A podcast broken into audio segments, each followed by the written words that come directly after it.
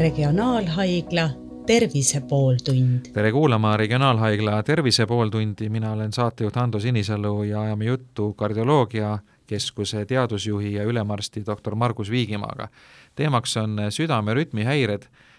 mida üldse rütmihäireks võib pidada, et väga sageli inimesed tunnevad, et kas süda jätab lööke vahele või vastupidi, on seal mingid lisalöögid, aga, aga väga sageli need ei ole vist äh, otseselt haiguslikud seisundid, et, et mis, mis piirist alates see rütmihäire on selline, millega peaks nüüd arsti juurde pöörduma? nojah, rütmihäire tõesti on üks sage põhjus, miks inimene üldse südamearsti juurde pöördub. aga kahjuks on osadel inimestel selline võime tabada neid rütmihäireid väga väike ja on väga raskete rütmihäiretega inimesi, kes tunnevad, et süda on täiesti, töötab täiesti regulaarselt ja korralikult. nii et see ongi väga erinev. On inimesi, kes ühe-kahe vahelöögi tõttu päevas tunnevad ennast täiesti noh, suures mures olevat ja, ja, ja pöörduvad arsti juurde ja et midagi on väga halvasti kui on ülepingutus, kui on inimene magamata, eh, eriti need, kes suitsetavad, eh, nendel paratamatult süda eh, reageerib selliste mõnede vahelöökidega, aga süda on päris hästi kaitstud või isegi väga hästi kaitstud, et, et ta, ta nii kergesti ei jää seisma. aga Eh, selline rütmihäire olemasolu, kui midagi eh, rütmis ei ole õige, see võib viidata algavale südamehaigusele või mingile probleemile, nii et igal juhul neid inimesi me uurida eh, saame ja, ja, ja peamegi, aga just, et ei ole liiga palju mõtet üksikute südame selliste lisalöökide pärast väga muret tunda nüüd rütmihäire diagnoosimiseks on, on ka tegelikult päris palju selliseid äh, suhteliselt lihtsaid äh, aparaate, et isegi, isegi moodsamad äh, pulsikellad juba, juba vist annavad märku sellest rütmihäirest, et et kui lihtne seda tegelikult diagnoosida on? jah, ka mõned vererõhuaparaadid on nüüd juba nii targad, et kui kolm korda järjest mõõta, et siis ta võimaldab päris suure Eh, tõenäosusega eh, kodade virvenduse rütmiat eh, diagnoosida. Ja loomulikult jälgimisseadmed lähevad järjest paremaks, aga seesama pulsi katsumine on ka päris hea oskus, et kui inimene oskab enda, endal pulssi katsuda ja, ja leida, et kas südame vahelööke on või ei ole ja võib-olla need jälgimisseadmed just eriti seoses sellega, et järjest rohkem on seda kodade virvenduse rütmiat või nagu me ütleme, et see on absoluutne rütmia või see, kus süda on täiesti rütmist väljas. et vot seda rütmihäiret peaks kindlasti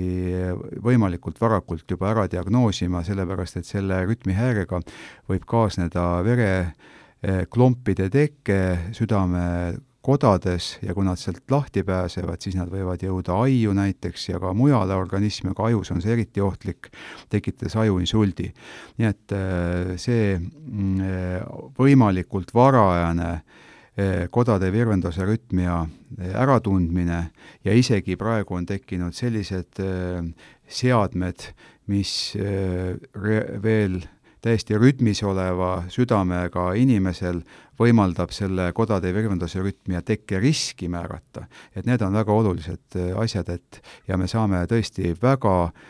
hästi südame rütmihäireid uurida, me saame panna ööpäevaks, kaheks või kolmeks ööpäevaks peale äh, siis selle Holter monitori, mis määrab kõik südamelöögid, me näeme, kui palju neid valesid lööke on. enamus neid ei ole ohtlikud, aga mõnel inimesel võib tõesti neid olla väga palju ja võib olla väga ohtlikud, väga ohtlikke südamerütmihäired, et juba see annab meile siis, diagnostika annab meile aluse, mis me siis edasi teeme. kuidas neid südamerütmihäireid äh, ravitakse? väga palju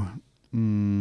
sõltub jällegi äh, inimesest endast, et, et vaata, vaadata, et mis situatsioonis need südame-rütmihäired on tekkinud ja, ja kõik tõesti kasutada ära kõik need äh, siis mittemedicamentoossed äh, võimalused. sageli on tegemist, kui, kui südame, südame rütmihäirete põhjuseks võib olla madal näiteks kaaliumi või magneesiumi tase veres ja kui, nagu ma enne ka ütlesin, on uneaeg lühikene või kui on uneapnoe või vot need jällegi situatsioonid tekitavad südamerütmihäireid loomulikult on olemas terve rida ravimeid, aga ravimitega on alati see oht, et nad tekitavad või võivad tekitada kõrvaltoimed ja igale inimesele me peame leidma ja otsima sellise kõige parema rütmihäire ravimi. ja neid on päris palju ja tõesti Mm, on, nii nagu rütmihäirete põhjusi on palju, on ka ravimeid palju ja see ravim, mis ühele inimesele sobib, kindlasti näiteks ei, ei, ei pruugi sobida tema, tema õele, vennale või, või või emale või isale, et väga sageli perekonniti ka e, inimesed mõtlevad, et kuidagi, et, et see rütmihäirete olemus on nagu, nagu väga palju üldisem, kui ta tegelikult on, nii et igat inimest tuleb eraldi vaadelda. aga, ja, ja ravimeid on ka kahte liiki, on need, mida, mida siis on nagu pidevaks raviks, et rütmihääre hooge ära hoida, ja siis on teised ravimid, inglise keeles öeldakse pill, pill in the pocket või siis nagu siis ravim taskus või taskuravim, mis on vajalik selleks, et kui hoog tekib, et siis seda saab edukalt kõrvaldada ja muidugi, kui nüüd nendest ei piisa, siis veeni manustatavad ravimid, mida siis tehakse juba erakorralise meditsiini osakonnas, on efektiivsemad ja nendega me tavaliselt saame rütmihäirest jagu. Ja mm, kõige sellisemaks kaasaegsemaks rütmihäirete ravi võimaluseks on on rütmihäirete kateeterablatsioonravi, mida meie haiglas väga intensiivselt juurutatakse, arendatakse, meil on väga heal tasemel spetsialistid ja on siis meil kahte peamist liiki patsiendid, on need, kellel tekivad äh, kiired südame pekslemise hood ja, ja vot nende, ja need, see on selline ühtlane südame pekslemine, need on tavaliselt tingitud kaasasündinud südame juhteteedest ja neid äh, patsiente on väga äh, efektiivne ravida, et nende ravi efektiivsus on üle üheksakümne protsendi, isegi üheksakümne viie protsendi, sõltuvalt variantidest. ja siis teine liik patsiente, mis on palju keerukamad, on need virvenduse rütmiaga äh, patsiendid, kellel tekib täiesti täielik südame rütmist äraolek, et südamelöögid on täiesti ebaühtlased. ja need ka on seotud sageli, kui nad esimest korda eriti juhtuvad, eh, kiire südametegevusega, aga erinevalt siis tõesti sellest äh, supraventrikulaarsetest paroksüsmidest, millest ma enne rääkisin, või nendest ühtlastest kiire, kiiretest äh, südamerütmi häiretest äh,, on, on nad noh, nad on oluliselt ohtlikumad ühelt poolt ja teiselt poolt puudub igasugune eh, korrapärasus seal ja just nad võivad tekitada ajuinsulti lõpuks. ja neid eh, rütmihäired on võimalik ka kateeterablatsiooniga ravida, aga see edukuse protsent on seal oluliselt madalam, kusagil kaks kolmandikku võiks öelda. ja mida paremad aparaadid meil on tekkinud, mida kõrgema kvalifikatsiooniga on meie arstid, seda edukamaks me oleme muutunud, et, et need rütmihäired, mida veel eh, mõni aeg tagasi ei olnud võimalik ravida, on juba võimalik ravida. aga see, kas nüüd eh, antud patsiendile eh, tuleb siis nii-öelda üldse rakendada siis tablettravi või peaks äkki kohe tegema kateeterablatsiooni, et see on kõik selline diagnostika küsimus ja, ja rütmihäirete kabinet on meil väga edukalt töötav meie haiglas, nii et, et nemad oskavad kõige paremini patsientile nõu anda. Kas see ablatsioonravi tähendab seda, et ühekordse protseduuri tulemusel on võimalik see probleemist jagu saada? jaa, väga paljudel patsientidel on see tõesti niimoodi, et enam kunagi elus ei tulegi rütmihäiret ja saab täielikult rütmihäiretest vabaks. Just eriti virvendusarütmia patsientidel me peame tegema ka korduvaid protseduure, sest igal protseduuril on oma oht ja kui me nüüd ütleme siis liiga intensiivselt ravime kohe esimesel korral, siis me võime kahjustada Eh, elutähtsaid mm, südame elektrisõlmi ja see võib kõige halvemal juhul lõppeda siis südamestimulaatoriga aga üldiselt on, on need protseduurid läbiviidav, mis on, mis viiakse läbi heal tasemel keskustes, nende ohuaste on ikkagi väga-väga madal. Ja see võimalus, et me saame rütmihäiretest vabaks, kas siis tõesti kohe esimese protseduuriga või siis vahel tuleb ka kolmas või neljas teha, seda on küll harvem, on ikkagi väga suur tõenäosus, et, et kui on näidustus ablatsioonraviks, mis väga sageli tähendab seda, et, et süda ei ole väga kahjustunud, aga südame elektrisüsteem on kahjustunud, kas siis kaasasündinud või omandatud mingite probleemidega, et siis on see ablatsioonravi ikkagi väga õige ja, ja hea võimalus. mida see ablatsioonravi täpsemalt kujutab endast, et, et kui, kui kaua see kestab ja, ja, ja kui traumeeriv see patsiendile on? Ta ei ole väga traumeeriv, ta võib äh, lihtsamatel juhtudel olla seal tunniajane protseduur, vähem isegi, aga ta võib olla keeruliste virunduse rütmia äh, haigetel isegi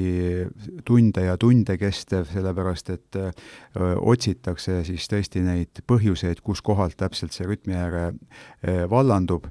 Ja üldiselt see ei ole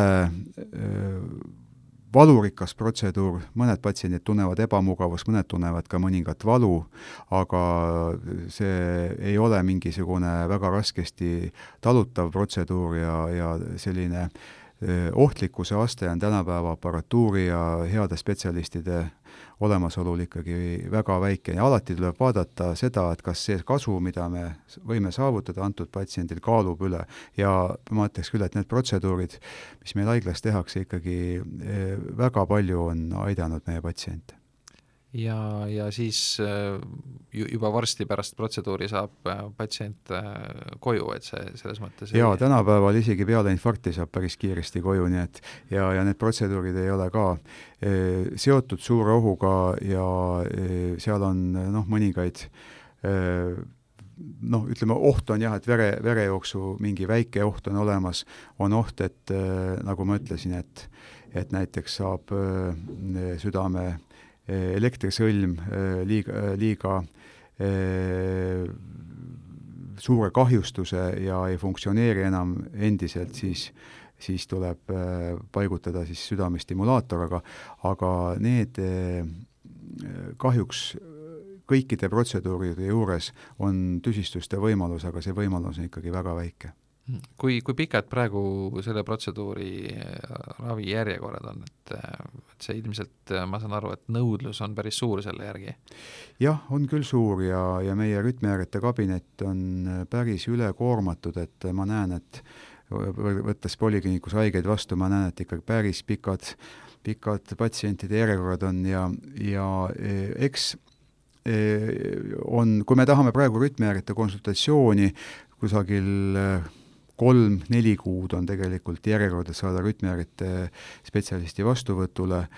noh, ta võiks olla kaks-kolm kuud kuskil võiks olla, ja see ei ole mitte ainult meie riigi küsimus, see on tegelikult kogu maailmas niimoodi ja siis läheb veel aega, kui pannakse see protseduuri järje, järjekord, aga loomulikult, kui on nüüd mingid eluohtlikud variandid, siis äh, selliste aktiiv- või ägedate haiguste ravi on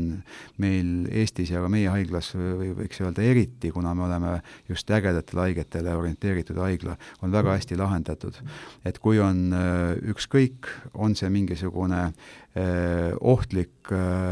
südame-verevaegus, infarkti oht on suur, siis see protseduur tehakse kohe. kui on mingisugune eluohtlik rütmihäire, see protseduur tehakse kohe. me paigaldame näiteks sellised Äh, rütmi äh, tehisrütmurid, millel on ka siis defibrillaatori funktsioon, et äh, kui on kõrge, väga kõrge südameseiskusega Äh, seiskuse ohuga patsient, siis äh, see defibrillaator võib anda elektrišokki vahel äh, mitu korda päevas isegi ja siis kutsutakse patsient tagasi, aga need paigaldatakse üldiselt nii kiiresti, kui, kui vähegi on võimalik ja see tähendab, et juba, juba esimese, esimesel päeval või teisel päeval, nii et et meie haigla on väga, väga aktiivravile orienteeritud, aga kui on sellised äh, situatsioonid, mis on küll patsiendi patsiendid ebamugavad, need paroksüsmid, mis tekivad, aga tavaliselt need patsiendid ei ole ikkagi, nende selline, selline ohu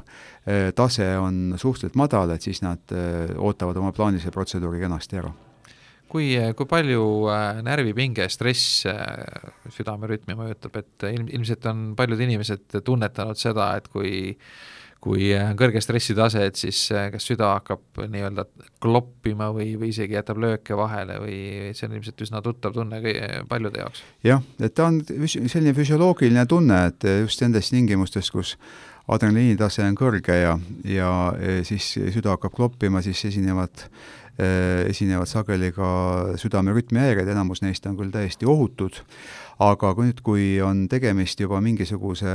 tõsisema südamerütmihäirega patsiendil, siis ka see selline ärevus ja, ja, ja ülepingutus ja näiteks tulekahju või, või, või lähedase surm või sellised asjad väga palju mõjutavad ja võivad äh, vahel tasakaalust äh, südame elektrisüsteemi äh, välja viia ja tekitada selliseid ohtlikke südamerütmihäireid ja me räägime südame elektrisüsteemist, et see on nagu selline huvitav küsimus, et, et väga paljud inimesed on saanud elus elektrilööke mm. -hmm. et, et kui palju see mõjutab, et kas võib olla niimoodi, et, et keegi, kes on saanud näiteks mingid kas või ma ei tea, lambipirni vahetades või mingeid koduseid elektritöid tehes elektrilöögid, kas see, kas see võib äh, rikkuda ära selle, et tulevikus tänu sellele hakkab, hakkab olema probleeme südame elektrisüsteemiga? jah, see on päris ohtlik asi, et see võib muidugi ühe, ühe ühelt poolt südame seisma jättagi, eks ole, või ühesõnaga tavaliselt tekib, tekib noh, on erinevaid südameseiskuse vorme, aga, aga see võib täiesti äkksurmaga lõppeda. aga kui nüüd see elektrilöök on olnud, siis ta võib küll südame elektrisüsteemi kahjustada ja see võib hilisemas elus tekitada südame Eh, rütmihäired, aga tavaliselt nad ei ole nüüd eh, kõige, kõige ohtlikumad südamerütmihäired, kuigi võib ka halvemini minna, nii et, et elekter on üks väga ohtlik asi ja ja me peame sellega ka arvestama, et et eh, süda saab ju oma väikeseid biovoole seal, mis on mis on millivolte, eks ole, aga kui me laseme seal sadu ja tuhandeid volte sisse, et siis võib ikkagi süda täiesti, südame täiesti ära rikkuda ja, ja halvemal juhul täiesti seisma panna nii et, et kui keegi on juhuslikult saanud elektrilöögi, et kas oleks oluline pärast seda igaks juhuks kontrollis käia ka, kui, kui näiteks enesetunne ja on normaalne, midagi äh,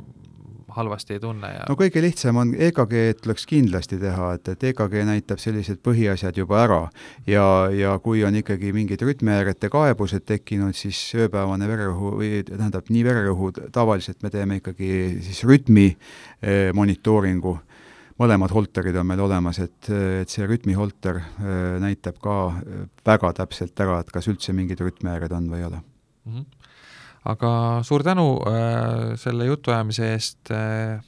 Regionaalhaigla äh, kardioloogiakeskuse teadusjuht ja ülemarst äh, doktor Margus Viigimaa. regionaalhaigla Tervise pooltund